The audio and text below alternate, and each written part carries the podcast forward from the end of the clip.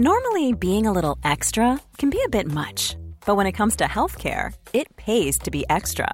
And United Healthcare makes it easy with Health Protector Guard fixed indemnity insurance plans. Underwritten by Golden Rule Insurance Company, they supplement your primary plan, helping you manage out of pocket costs without the usual requirements and restrictions like deductibles and enrollment periods. So when it comes to covering your medical bills, you can feel good about being a little extra. Visit uh1.com to find the Health Protector Guard plan for you.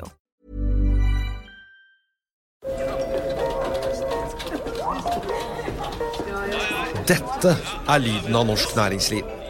Akkurat nå tas det små og store valg som kan bli avgjørende for fremtiden. Med økonomisystemet X-Leger tas disse beslutningene basert på informasjon i sanntid, slik at drømmer og ambisjoner kan bli virkelighet. Få kontroll og oversikt, gå inn på xledger.no. Denne sendingen er sponset av Xleger.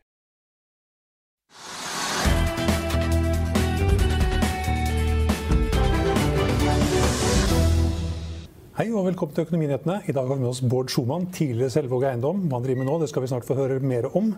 Vi skal også ha teknisk analyse av DNB, men vi begynner på Oslo Børs. Det har skjedd litt i dag i hvert fall? Ja, faktisk mer enn de siste dagene. Det har vært ganske flatt og kjedelig i mange dager. Og så hadde vi den situasjonen i går at eh, de amerikanske børsene, alle de tre hovedindeksene, satte ny all time high. Og det var fordi at man fikk på plass, eller angivelig fikk på plass disse handelsavtalene mellom USA og Kina. Og markedene roet seg, og krigsuroen har også vært roligere. slik at markedet syntes at dette var veldig fint, og så har man da en tro på inntjening fremover. slik at de kjørte aksjekursen opp. Og det burde jo smitte over på Oslo Børs. Det ville vært rart hvis ikke Oslo Børs også var litt preget av at, at børsene i USA var sterke, og at også den usikkerheten som lå mellom Iran og Irak, også var borte. Så det var liksom, utgangspunktet var veldig godt for en oppgang, og det har vi fått. Eh, og det, børsen har vært opp litt over 1% i dag. Og, siden nyttår så er kanskje børsen opp halvannen prosent. Så det er ikke så veldig mye da fra nyttår til nå, men 1% i dag. Og, der, og så har det skjedd litt av hvert, jeg si. Eh, så har, og, slutt, og sluttturen på den ligger på nå, så er det ny all time high. Ja, akkurat. Så vi har, fått all time high her også. En oppgang da godt over 1 så det er litt spennende, men det er, det er veldig mange, da, de som er litt mer konservative, sånn som meg, de er jo litt usikre på året som, altså 2020 som år. Hvor man da snakker om at man kanskje får en oppgang på Oslo Børs på 5-10 og Det er liksom det, kanskje det signalet jeg tror også mest på, at man har fått en kjempeoppgang. Som du sier, Autumn High også. Og det vil ikke bli like spennende, blir ikke like lett eller like morsomt i 2020 som det har vært i 2019. Men får vi en oppgang på 6% så ser vi 1000 på hovedindeksen. Ja, ja, ja, og det er strålende. det er strålende. Og så, og så er det, jeg tror også det at det skjer litt sånne morsomme ting, sånn som det Spetalen-greiene i dag. Eh, altså Self Storage Group, som er et sånn eiendomsselskap. Vi snakket med han 11.12. i forbindelse med vår jule, julepodkast. Vi måtte hale ut han. Da. Han hadde noen selskaper innen eiendom å anbefale selskapet ellers også anbefalte. Da anbefalte han den og sa det er et bra selskap, tjener penger.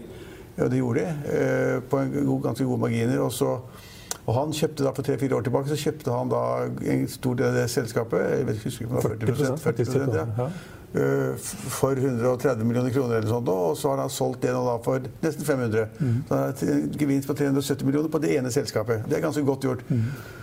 Og så faller selvfølgelig kursen i dag. Når man hører at Spetalen er ute, og at han er på en måte storeieren er ute, og også Spetalens mann i styret også solgte alle sine aksjer så er det en god historie som viser at Spetalen er flink. Eh, at han har gode folk der med seg. Og så viser det at han tar profit av og til. liksom Sikrer gevinsten for å gå videre og gjøre andre ting. Og er, altså, derfor har aksjen falt 5-6% i dag. Sånn, og det mener jeg er helt naturlig. Og da vi snakket med han eh, her på huset i forbindelse med den julepodkasten om aksjemarkedet, så da lå, da lå selv Storage Group på 4-25 kroner per aksje. Eh, og nå er det 27. Så det er ikke så store forskjeller fra vi snakket med han, men, men men han var iallfall veldig da, positiv til aksjene, og så har han da sikkert allerede da kanskje hatt planer om å selge ut også. Sånn er det. Ja, det han, han, er god. Han er god. Ja, det, aksjene har jo dobla seg siden den gikk på børs for to, ja, to år siden. Så, så, så, det, er, det, er liksom, det, skaper litt mer spenning på Oslo Børs. Det går an å gjøre ting uten å være verdensmester. Hvis man da finner de selskapene som er litt Det holder å være norgesmester? Det holder å være norgesmester. og, og, de var litt, under, altså, litt for lite interesse tidligere, kanskje litt svake kurser, svake resultater, og så kan man da gjøre noe ut av det som man er ganske god på. Og så en annen ting som jeg har lyst til å nevne, for det har vi snakket ganske mye om, det blir kanskje mye med en gang, men, men eh, mm -hmm. har vi snakket om i mange år. Og vi har vært skeptiske til da å sitte med den aksjen, fordi at da, øh, forholdene var da slik at de har store fabrikker i USA. Og så kineserne, det silisium de selger. Eh, og så er da kineserne de fikk ikke lov å importere fra USA. Eller de fikk ikke lov, ikke lov de måtte legge på en toll på 57% som gjorde det praktisk talt umulig å selge da USA-produsert silisium til Kina. Og så har det vært da regulert av disse, den konflikten i mange år.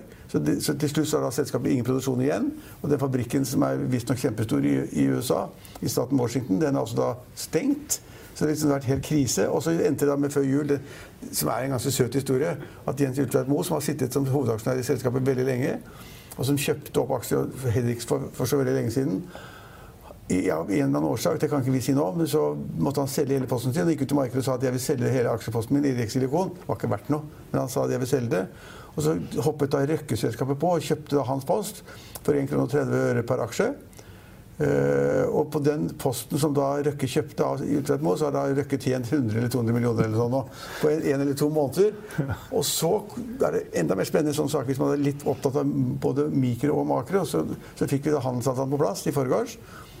Uh, og da tenkte alle med en gang åh, oh, fantastisk for Rexilicon. Uh, så ble kursen blåst opp. 65% Ja. Men i dag er den ned 13-14 mm. Fordi at da noen, annet hadde en artikkel i Finansavisen og Bare ti nå, da. Ja, men, jeg, men altså noen, da. Mest Finansavisen. Og også jeg har da vært skeptisk til at de kommer til å få noe ut av den der aksjen. fordi Poenget er at kineserne i den tiden da var det, det har vært umulig å ta da, produksjon av silisium fra USA. Så har kineserne blitt gode, selvfølgelig. Det er et stort land, de bruker ting, kopierer sikkert alle mulige formler, hva som måtte være. Så de har blitt kjempegode. og så har det blitt en kjempeproduksjon. For de trenger masse silisium da, til solcellepaneler i Kina. Så kursen på silisium har falt som en sten. Og så konkurransen er blitt vanvittig hard fordi at kineserne har bygd opp greier. Og når folk begynner å skjønne dette her, så faller også kursen på Rex Silikon. Og det gjør den i dag. Og så er det helt sikkert ikke gratis å starte opp igjen den fabrikken hvis de skulle finne ut det. Nei, det er som alle andre store fabrikker som er sikkert kompliserte. Eh, jeg kan ikke noe hva de driver med, men å starte opp igjen koster masse penger. Det stenger du en treforedlingsbedrift eller sånn cellulosefabrikk eller sånt, og det koster en form å, sette i gang. Det er det samme med aluminium. Altså det, er, det, ikke bare altså, skru på en bryter. Så der fikk vi en sånn case hvor liksom en aksje var ikke verdt noe. Selgeren, eieren selger til slutt. En eller annen smarting sånn som Røkke som har nok penger, tar den opp og tenker at kanskje vi kan få noe ut av det. Sitter på det i to måneder og tjener 200 millioner. Jeg vet ikke om det er 200 eller 100 millioner, jeg har ikke på det. Men betalte vel 85? men han tjente seg iallfall masse penger, da. Mm. Og, og, og, han betalte 1 krone 30 øre. I dag står kursen i 4,90 eller 4,80 eller et eller annet sånt. Nesten 5 kroner. Ja, i dag er den 4,59. Ja, ok. Men, men det, er ganske, det, er to ganske morsomme ting fra Oslo Børs. Det er liksom ikke bare sånne kjedelige ting, sånne investeringsgreier og sånn. Men det er litt morsomt, det som foregår også. Så det syns jeg er morsomt. Og så er det det er hovedsaken det som har skjedd på børsen. Så er oljeprisen den ligger pal på 65 dollar per fat eh, ved brentoljen. Og det gjør at de såkalte oljeaksjene, eh, Equinor og Aker BP, er bitte litt opp, men heller ikke mer. Så liksom markedet antisiperer kanskje at det skal bli noe mer hvis veksten blir stor og verden blir roligere og alt er bra. Eh, så kanskje da At det er lurt å sitte med den type aksjer, for at oljeprisen kanskje kommer til å stige. Kanskje. Så det var, det var, det jeg har fått ut av dagen. Synes det var en kjempespennende dag. Jeg. tenkte å spørre deg, for jeg har ikke klart å finne ut om det var noe spesielt som gjør at eh, Telenor stiger 4% Nei, det hadde jeg tenkt å spørre deg om. Ja. det er ingen meldinger i markedet i dag i det hele tatt. Nei, ikke sett noe. Nei, ingenting. Det, altså, det lurte jeg også på hvorfor stiger de 4 det, det var vel pga. eiendomssakene deres i går. Du tror det? Skulle selge tårnene og Mm. Ja, Telenor, at Telenor. skal selge, selge infrastrukturen sin. Å ja, de skal, selge, de selger, de skal selge de tar ut kontoret sitt? De tar ut det til egen divisjon, og så spinner du den ut til et mm. pensjonsfond etterpå. Så det er en selgingspenn. Det, er kjempebygget til Telenor? Nei, ikke det. Snakker, ja, det også. Men det vi i utgangspunktet snakker om, er jo tårnene deres. Altså all infrastrukturen deres. Ja, hvor er de tårnene da? Rundt omkring i Norges land. Og, sånn, ja, og så selger du det til et pensjonsfond, og så leaser du det tilbake. Ja, ja, ok. De, splitter, de splitter opp Norge. Ja, jeg tipper det er det som er Få kvitte seg med eiendommen, altså. Ja, ja. ja, men det var et godt svar. Mm. Bra, flinke gjester. Det hjelper, det. Det var et selskap til som steg 4 som jeg heller ikke skjønt i dag. Det var uh... 4 ja. Det er flere som stikker 4 her. Frontline 4% Biotech, Pharmacon 4 ja, Frontline kan jo nevne at de er jo da der har jo ratene gått i været. så de har, Ratene altså på stortonnasje har jo ligget rundt 100 000 dollar dagen. De er kjempetjenlige. De er, koster mellom 15 000 og 20 000 dollar dagen å drive. Så, liksom har, så 100, 000, 100 000 dollar er veldig mye penger, men de ratene har falt som en stein, så nå er det 50 til halvparten i løpet av én uke. Så alle som trodde da at markedet skulle eksplodere og vare i mange år, og du kunne betale ned en tank på, på tre turer og sånn fra, fra, Midtøsten til Østen og sånn altså Plutselig så falt det 50% Det er ganske morsomt. Jeg syns det er morsomt. Men allikevel så er aksjene opp til 3-4 i dag, for det er veldig mange, veldig mange som tror på skipsfart fremover. Og det er veldig mange som anbefaler Frontline. Vi har tre-fire artikler tre-fire dager på rad i Finansavisen hvor da eksperter har uttalt seg om hvorfor sånn og sånn, og sånn, og alle har vært veldig bullish. Men så kom meldingen nå da, om at markedet i løpet av to dager falt 50 og det er ikke, Der orker ikke jeg å være. Ja, vi kan også ta med da, at vi har noen aksjer i all time high. Selvfølgelig Når børsen er i all time high, så må vi ha noen aksjer som også er i all time high. Ja. Kanskje en overraskelse.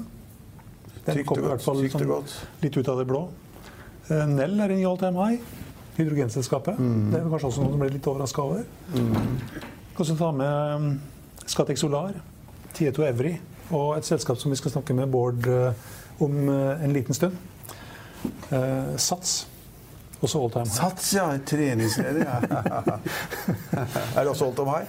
Også all time Da high. har vi fem-seks aksjer som er all high. Det, det er jo ganske spennende. Og litt kjedelig gjensidig. Ja, ja. En aksje i all time low Ice Group. Men det vil si at vi på en måte litt følger øh, de der dønningene som er i USA. da. At jeg har liksom all time high, og usikkerheten blir borte, og det er en del selskaper som går som bare rakkeren. Og så smitter det litt opp på Os- Oslo Børs også, for vi har gode, flinke selskaper her. Men markedet var åpnet litt passivt på begynnelsen av året. altså Plutselig begynner det å bevege seg, og det er jo bortsett skaper mye mer spenning. Velkommen tilbake, Bård. Takk. Eh, For halvannet år siden så hoppa du av selve bolig, og så har det vært litt sånn stille rundt eh, siden det. Hva har du brukt det halvannet år, halv- halvannet år til? Eh, Nei, nå Først så hadde jeg jo konkurranseklausul fram til eh, i fjor høst. Eh, og så ser jeg jo på ting, og så tar jeg det litt med ro, og så gjør jeg litt investeringer og, og sånt. Han har blitt, blitt investor istedenfor administrerende altså. Ja, det, det er jo litt behagelig å ikke jobbe 24-7 en periode, i hvert fall. Men det er klart at det begynner å klø litt i, i fingrene etter å gjøre noe, gjøre noe mer. Så det kan jo hende at det skjer etter hvert. Vi får se. Men hva gjør du når du ikke får lov å gjøre noen ting? Nei, altså jeg får, jo- fikk jo lov å gjøre litt. Eh, Jeg har gjort litt i eiendom. eh, Gjort litt utleieboliger, eh, som det kommer mer av etter hvert. Eh, Så gjør jeg litt, gjør litt i aksjer, da. Har du kjøpt boliger som du leier ut, er det det du sier? Eller? gjort det også, ja. Og så har jeg noen dealer på det på, på veien. Og, mm, Som kommer? som kommer. Mm. Solgte du nettopp noen aksjer, eller kjøpte du noen aksjer? Var, Nei, nå har jeg kjøpt aksjer, ja. Nå har jeg ikke solgt noe på en stund. Hva var det siste jeg kjøpte? Det sto i avisen, gjorde det ikke det? det? Var, Eh, Det var Sats, ja. Ja, det var Sats, ja. ja. det var den aksjen, den Ja. posten, ja. Men Hvordan oppdaga du Sats? Du har ikke begynt å trene, har du det? Jo, jeg trener. Ser du ikke det? Ser du ikke det? Hallo. Eh, nei, altså, det ene var at Nei, jeg har jo egentlig fulgt med på de lenge. Jeg, jeg liker jo det jeg kaller sånn melk og brød-saker. Altså det som jeg forstår, da. Bolig eh, er jo det. Det er- Det er jo noe folk trenger. Og så tror jeg trening på en måte, og, og velvære, hvis vi kaller det det, er i tiden. Eh, og så så jeg Jeg fulgte jo med på Sats-noteringen og syntes den gikk litt sånn trøblete. Det var ikke noe sånn kjempebra hvordan den endte ut. Den burde vært ligget litt høyere. Så syns jeg den så billig ut, og så falt den etter at den ble notert. Og da, med det de skal tjene inn altså de er, de er nummer én i Norden på, på størrelse. Altså 700 000 medlemmer og 200, over 250 eh, treningssteder. Og ja, tredje største i Europa. Så tenker jeg at dette her er en, på en, måte en fremtidsbransje. Og med den prisingen der, så, så var det attraktivt. Men hva var, var markedcapen 4-5 milliarder eller noe? Ja, det var ikke det, vet du. Den var nede på, rundt fire. tre. Ikke sant? Ja. Den burde jo vært uh, høyere. Uh, Ja, det er avhengig av hva de tjener, da. Men jeg, ja, nei, også, men de skal jo sitte igjen i, i år, så si at de sitter igjen med på en EBIT på 600, da. 650. Og det som er interessant med, med caset, er jo at det skal så lite til. Ikke sant? Fordi at nå har du tatt all du har tatt alle investeringene, og så er det ikke så store investeringer heller, for du leier jo alt av utstyr, og du leier jo lokalene osv., så, videre, så du trenger jo ikke ha noen sånne store, det kommer ikke nye konkurrenter hver uke. Jo, men de er sånne små. Det er det som er hele poenget her. De sitter jo, de har jo, de, de, I alle de store nordiske hovedstedene så har de en eh, dominanse på mellom 50 og 70% i markedsdominanse. Hvis det kommer noen gode små, så blir de vel kjøpt opp, da. Ja, de, altså, du, kan, ja, du kan se på det. Sats kjøpte jo eh, flere av konkurrentene i tredje kvartal i fjor. Gjorde sikkert en oppkjøp i fjerde kvartal òg. Og da tenker jeg at eh, det der er en eh, Det var var jo en konsolidering med Sats og Elexia i sin tid. ikke sant? Og det Ja. som gjorde at det endte opp med det. Så jeg tror det kan bli bra. Eh, og det er jo et selskap som ikke trenger pengene. Altså, de kan egentlig gi ut mesteparten utbytte. Så jeg ser på Eller utbytte liker jeg jo. Ja. Du får litt utbytte i Selvåg. Du sitter med en del aksjer der ennå. Ja, jeg sitter med en del aksjer der ennå. Så det kommer en hyggelig slutten på måneden. Når Har du solgt noe? Nei. Jeg har solgt litt, grann, men ikke på et års tid. Nei, okay. Så jeg har vært med på den hyggelige oppturen hvor de tømmer kassa nå. Hvor mye får du utbytte? Det er 12-13 millioner, eller? Mm. Det er bra det, når du sitter med i overkant av 40 millioner, så får du 12-13 i utbytte. Ja, det er, Det er bra avkastning. hyggelig, det. Så da kan vi bruke litt lengre tid på å tenke på hva vi skal gjøre når vi blir voksne. Men, men når du da sitter og ser på Sats, hvor lang tid bruker du på å vurdere den? Liksom, Nei, vet du hva, Jeg er superenkel i forhold til det. Jeg leser sånn du bruker et par måneder på jeg det leser, nei, jeg leser presentasjonene, og så, og, så ja, og så liker jeg å følge med på podkasten. For meg så er det har managementet veldig mye å si. Liker jeg managementet, og så føler jeg at de, er, at de forstår businessen, så, så er mye gjort, for å si det sånn. Og så blir det jo et spørsmål i forhold til hva jeg tror om den bransjen fremover. Jeg er ikke veldig avansert, øh, superavansert, jeg. Det er du, jeg er, ikke. du, er ikke, du, har, du, du har jo vært sjef i et boligselskap, du har ikke vært investor. Men, men så du da det der minilageret til Spitalen? Jeg har sett på det, ja. Eh, Ja, men Så du at, at mulighetene av hvordan det kunne gå? Ja da, og, det, og det, det ble jo presentert mer som et eiendomscase etter hvert. Eh, Og det var jo det som gjorde at de klarte å gjøre det de har gjort. Og, og, og Spetalen har gjort en fantastisk jobb i det selskapet med å få det opp eh, til det det var. For det er klart at her samlet man jo flere aktører sammen. ikke sant? Man hentet jo, man kjøpte jo fra Selvåg. Man kjøpte jo City Self Storage fra Selvåg. Så kjøpte man ja, så fikk man jo inn flere andre også, sammen med disse eierne fra Drammen, hvis jeg ikke husker helt feil. Eh, og fikk jo en større masse ut av dette Men da, da de kjøpte øh, andre, altså kjøpte de da per kvadrat altså, Jeg har aldri vært på et sånt lager, jeg, men er det en eller annen Ser ut som en garasje. Det, er, det blir, ser ut som en garasje nesten, med masse sånne båser i. ikke og sant? masse båser og sånn. Dette er lyden av norsk næringsliv. Akkurat nå tas det små og store valg som kan bli avgjørende for fremtiden. Med økonomisystemet X-Ledger tas disse beslutningene basert på informasjon i sanntid, slik at drømmer og ambisjoner kan bli virkelighet. Få kontroll og oversikt, gå inn på xledger.no. Denne episoden er sponset av van Brun, en fremtredende smykkeforhandler kjent for sitt brede utvalg av forlovelsesringer, gifteringer og diamantsmykker som bæres og elskes i generasjoner. Et frieri er en av de største øyeblikkene i livet, hvor forlovelsesringen er et tidløst symbol på kjærligheten. Ring krever omtanke for både hvilket metall og diamant, med et bredt spekter av både naturlige og labdyrkede diamanter, og metaller som platina, gult gull, hvitt gull og roségull, hjelper de deg med å sette et personlig preg på din kjærlighetshistorie. Van Brun vil gjerne invitere deg til å prøve på tre av dine favorittringer fra nettsiden helt kostnadsfritt. Du kan også låne et bredt spekter av frieriringer, slik at du og din forlovede kan velge en ring sammen etter det store ja. Van Brun tilbyr 90 dagers åpent kjøp og 90 dagers gratis størrelsesjustering. Utforsk deres eksklusive sortiment i luksuriøse omgivelser. Bok en konsultasjon sammen med en diamantekspert i deres showroom i Oslo. Eller online på vanbrun.com. V-a-n-b-r-u-u-n.com. Det er litt mer proft. Blitt veldig proft. Ja, men da, da kjøpte man da ut fra antall kvadratmeter til en viss pris? Ja, det blir jo i forhold til gilden du du får, blir jo det. de fikk på det? Ja. Og så er det klart at øh, de har klart det, øh, å etablere seg med nye, nye steder, øh, og planlagt nye steder, som jeg tror blir veldig bra. Og så er det jo en annen ting. Boliger i Norge i dag, i byene, blir jo mindre og mindre.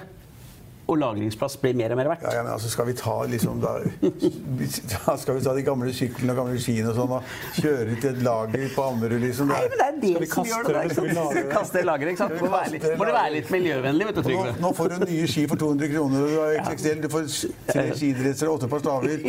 Åtte, åtte, åtte, Har de begynt med salget luer for, for 600 kroner eller sånn. Ja. Nei, men, men, men jeg, tror, jeg tror det er en av de tingene som er kommet for å bli. Det, det tror jeg. Eh, Så jeg tror ikke det er noe dårlig butikk, selv om Spetalen har solgt seg ut nå. Så tror jeg det blir bra, bra fremover. Hvor ligger lagrene i Oslo? Ja, de ligger jo uh, Ulven, det ligger på Majorstua, det ligger også, ja. all over. Ja, de, gjør det, ja. ja, ja. Så Kommer det et nytt et nede i Hovsveien her òg. Ja da, det kommer ting hele tiden. Mm. Sånn minilager, sånn self-storage? Rett nede ved Coop der. Men da kan de ikke være så veldig store, da. Nei, men Det er jo ikke store. Det vi snakker om, er jo mange sånne små bokser. Det er jo små boder. Du kan jo få fra én kvadratmeter oppover sånn to-tre kvadratmeter. Sant? Og Det er ikke noen store greier, men, men det er jo til de tingene folk ønsker å, å lagre. Og, og så må vi huske på det, folk flytter mye mer i dag enn de gjorde før. Så sånn sett så er det kanskje bedre å ha det ett sted mens du flytter fra leilighet til leilighet. Det er ikke billig. Nei, det er ikke billig heller. Nå, men eh, det er vel derfor uh, gilden blir ganske grei, da. Men ser du på Du, du har jo da en stor pott i Selvåg bolig. Mm. Og for alt jeg vet, så vurderer du å ta gevinst der på et eller annet tidspunkt, kanskje? Eh, Naturlig å gjøre det på et eller annet tidspunkt, men, men for å si det sånn, jeg tror jo selskapet kommer til å levere bra de neste årene også, altså som et utbytteselskap. For det er klart at med alt det som er under produksjon, så blir det jo penger igjen. Og det, eh, slik selskapet er nå, så trenger jo ikke selve bolig egentlig noe særlig egenkapital. De kan jo måke ut mesteparten av resultatet til eh, aksjonærene fremover. Siden det er eh, det nye selskapet som skal ta investeringene. Så det er jo det som er fordelen med det. Er det andre selskaper du sitter og snuser på? Ja, altså, jeg, Hva var det så lurt å selge den der tomtebanken, da? Vet du hva, jeg, jeg tenkte at Selve bolig er det greit at jeg ikke driver og kommenterer så mye. for det, det er på en måte jeg føler meg litt sånn nært på. Det, det er- er fordeler og ulemper ved det. Du får jo penger når du selger noe, det skjønner jeg jo. Ja. Men liksom, tomtebank, er ikke det det beste man kan ha hvis man driver eiendom? Jo. Nei, altså det som er, det, er- jo et spørsmål om hvor- du, hvordan, du, hvordan du ser på det, og hva slags avtale de har. Jeg kjenner ikke detaljene til det. Får du kjøpt tilbake til fornuftige priser, så er det klart at da er det greit. Da blir IRR-en din bra avkastning på det. Utfordringen er at det er klart at du gir fra deg en del oppsiden. Du gir fra deg en del av det jeg kaller superprofitten Ja. ved å gjøre det. Uh, fint for meg som aksjonær eh, nå, men det er klart at hvordan det ser ut om fem-seks år, det er, kan være en annen historie. Så når du selger, da bør man eh, følge med i timen? Nei, det sier jeg ikke. Men, men det er klart at eh, det, det, det er et godt selskap. Og jeg tror ikke det skal bli noe dårligere fremover eh, på det de jobber med. Ja, du, da, da, da er det sånn en, en overgang til boligmarkedet. Ikke noe en annen plan, men altså akkurat det. I dag var det en av direktørene i Oslo, et av de større eiendomsselskapene i Oslo, som da ikke sa at han trodde det at noe vi har snakket en del ganger om her, det er liksom da regulering av nye eiendommer og produksjon av bolig i Oslo-området er så svak og lav at i 2021 nå er vi 2020, eh, så antok han at prisene vil stige i Oslo med over 20 Nei, han sa 10-12. Så han, jeg tror han sa 20. Nei, det han sier er at han sier egentlig 20% på de, de året og neste år. Han Ja, sier okay. egentlig det samme som jeg har sagt et par år nå, nemlig at i år så vil boligprisen i Oslo stige med rundt 6 tror jeg. Det har jeg Mm, sagt det sa hos det, deg også. ja. Neste år så tror jeg over 10% jeg også. 10-12, kanskje mer. Det er ganske tøft. da. Hvis det slår til, så blir Ja. det ganske interessant. da. Og bakgrunnen er jo at normalt sett så har de siste årene så har man kanskje overlevert 3000, 3500 og vært oppe i 3800 boliger, så vidt jeg husker, overlevert i Oslo. I år så kommer det til å bli overlevert 1400-1500 boliger i Oslo. Neste år 2000, året deretter 2000. Sånn at, og det vi snakker om da, er jo at behovet i Oslo er 4000-5000, et eller annet sted der. Men da behøver, da, da, altså de som da tenker på å selge bolig, eller må selge bolig, da. De, som ikke må, de kan jo Men altså, de, de burde jo ikke selge bolig i år, de burde vente til neste år. da. Ja, det kan du jo si. Men, men sånn er jo Jo, alltid. så det- det, kommer jo an på, det kommer an på om du skal kjøpe. Kjøper og selger i samme marked, så betyr jo ikke så mye. nei da, men, nei da, men uh, hvis man vet at Eller antar, da. Hører på deg nå, våre seere hører på og sier og Schumann sa at det skal stige med 5-6% i år, og kanskje 10% neste år. ikke sant? Da, da, da bør man vente med å selge, da. Ja, nei, Jeg er ikke uenig i det. Og det er klart at uh, Ja, hvis du skal Har du mulighet til å sitte og vente, så, så tror jeg det kan, kan være bra. Eh, men, men det bekymrer meg jo at vi kan risikere at vi får et nytt 2016 hvor boligprisene går Da steg det med 23 eller? 23 ja. Men, og, men, og det er det jeg sier. Det Da- skjer ikke igjen, og da besvimer jeg. Det tror jeg ikke noe på. Nei, men da det, det, jeg, jeg er enig med deg i det. At jeg tror heller ikke det skjer igjen. Men jeg syns over 10 er liksom litt Ja. det samme nivået, da, hvis du skjønner hva jeg mener. ja. Fordi at på, i, I 2016 så hadde vi ikke boliglånsforskriften. Nå har vi boliglånsforskriften som demper det. Og da er over 10% mye. Men kan det tenkes at noen eh, som følger med i timen her, ser at dette her går, til, ja, går litt galt av sted? Så kommer det nye reguleringer, Ja, jeg- forskrifter. Jo, det, det, det er jeg mest redd for, jeg. Jeg er mest redd for at man ser at det tar av i Oslo, og kommer på enda mer nye spesialregler for Oslo. ikke sant? Det er sånn som den dumme regelen hvor vi har at du skal ha 40% egenkapital for å kjøpe sekundærbolig i Oslo nå. Altså, det, det eneste det hjelper, er jo de rike. De rike blir rikere, for de har, trenger jo ikke, de har egenkapitalen. Så det er litt sånn, ja.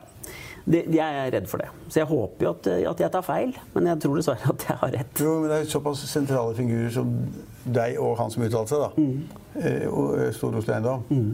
At dere som kan det så godt, og som er blant de beste, er såpass Altså mener at prisen skal stige så mye om ett til to år frem i tid, er, det, det syns jeg gir ganske klare føringer. Altså at man, det, en prisvekst kommer da.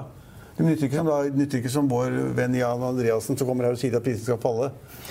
Nei, og, og Nei, det Litt stort sprang blant de der Det er litt stort, det. Men eh, Jan har en litt rar argumentasjon på akkurat det. Men, eh, men eh, ja. Ja, han, han sier jo det. At jeg mener at eh, rentene skal være negative, og at eh, boligprisen kommer til å falle som en stein. sier han. Mm. Ja, nei, Det tror jeg ikke noe på.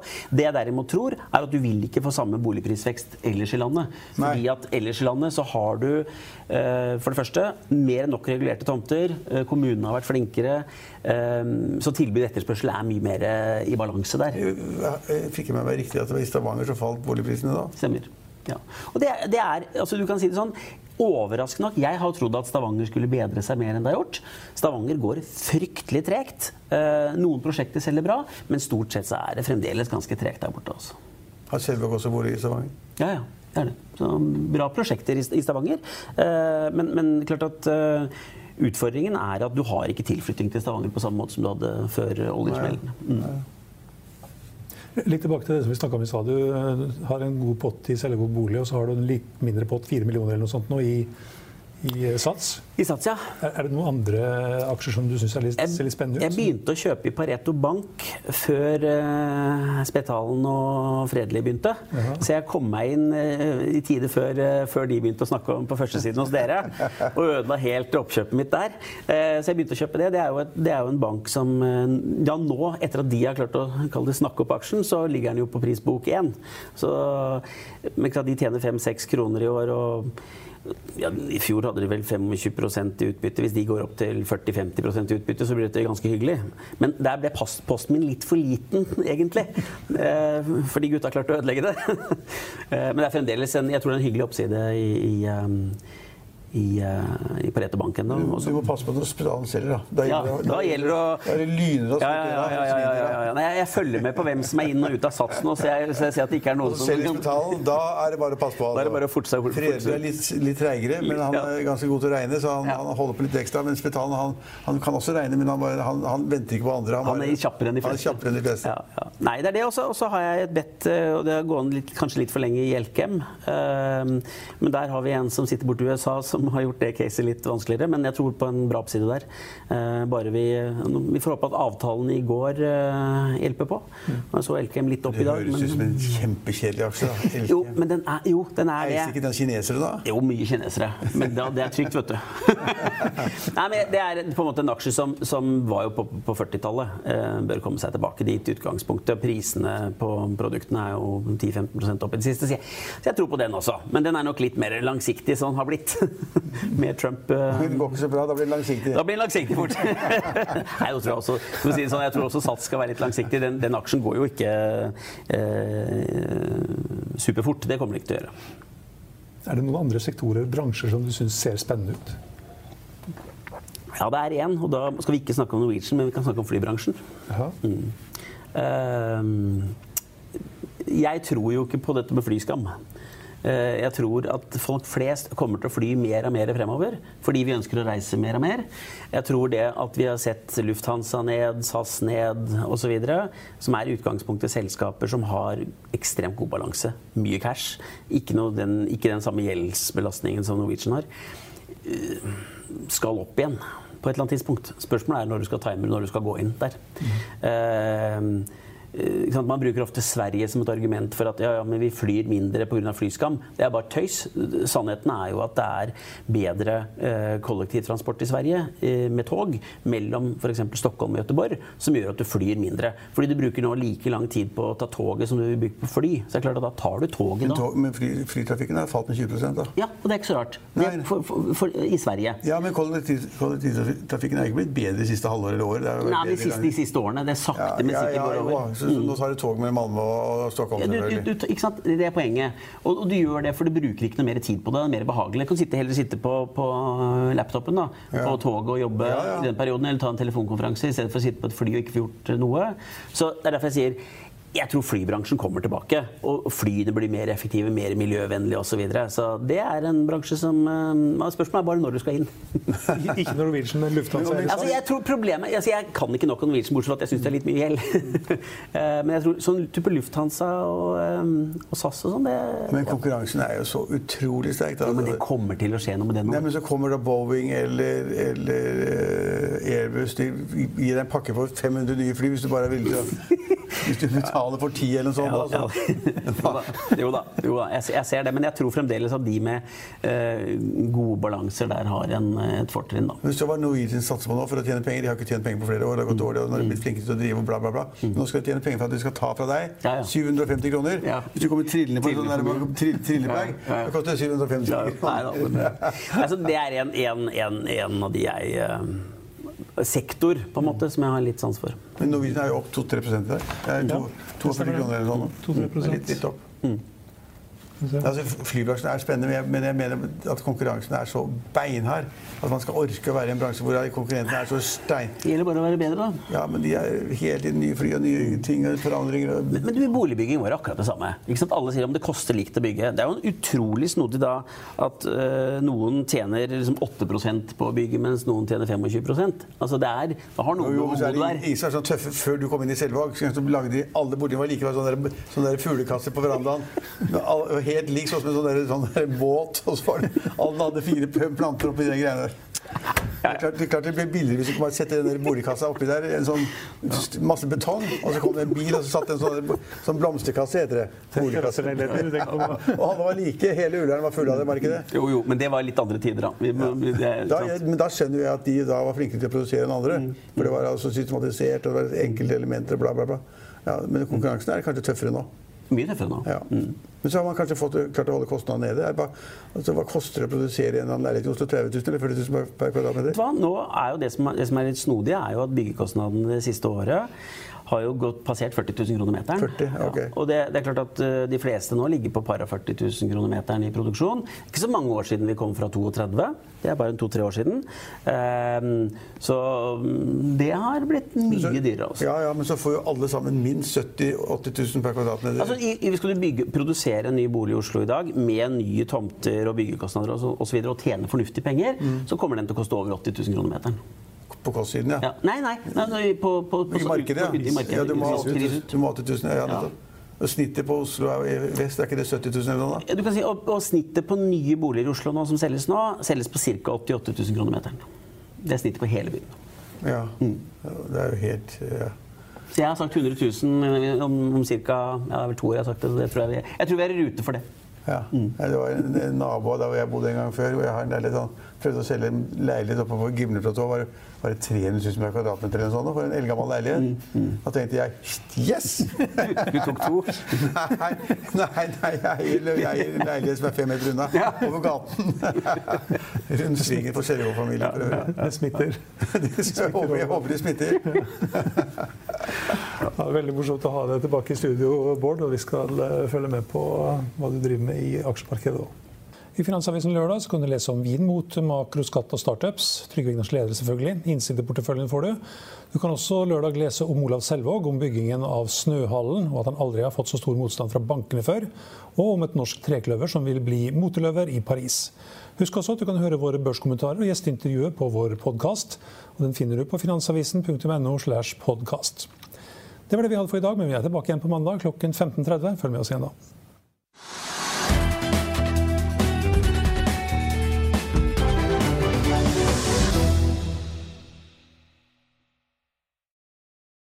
Denne sendingen er sponset av Xleger. Økonominyhetene er en podkast og videoproduksjon fra Finansavisen. Programleder er Marius Lorentzen. Aksjekommentator er Karl Johan Molnes. Produsent er Bashar Johar. Podkast- og videoansvarlig er Marius Mørk Larsen. Og ansvarlig redaktør er Trygve Hegnar.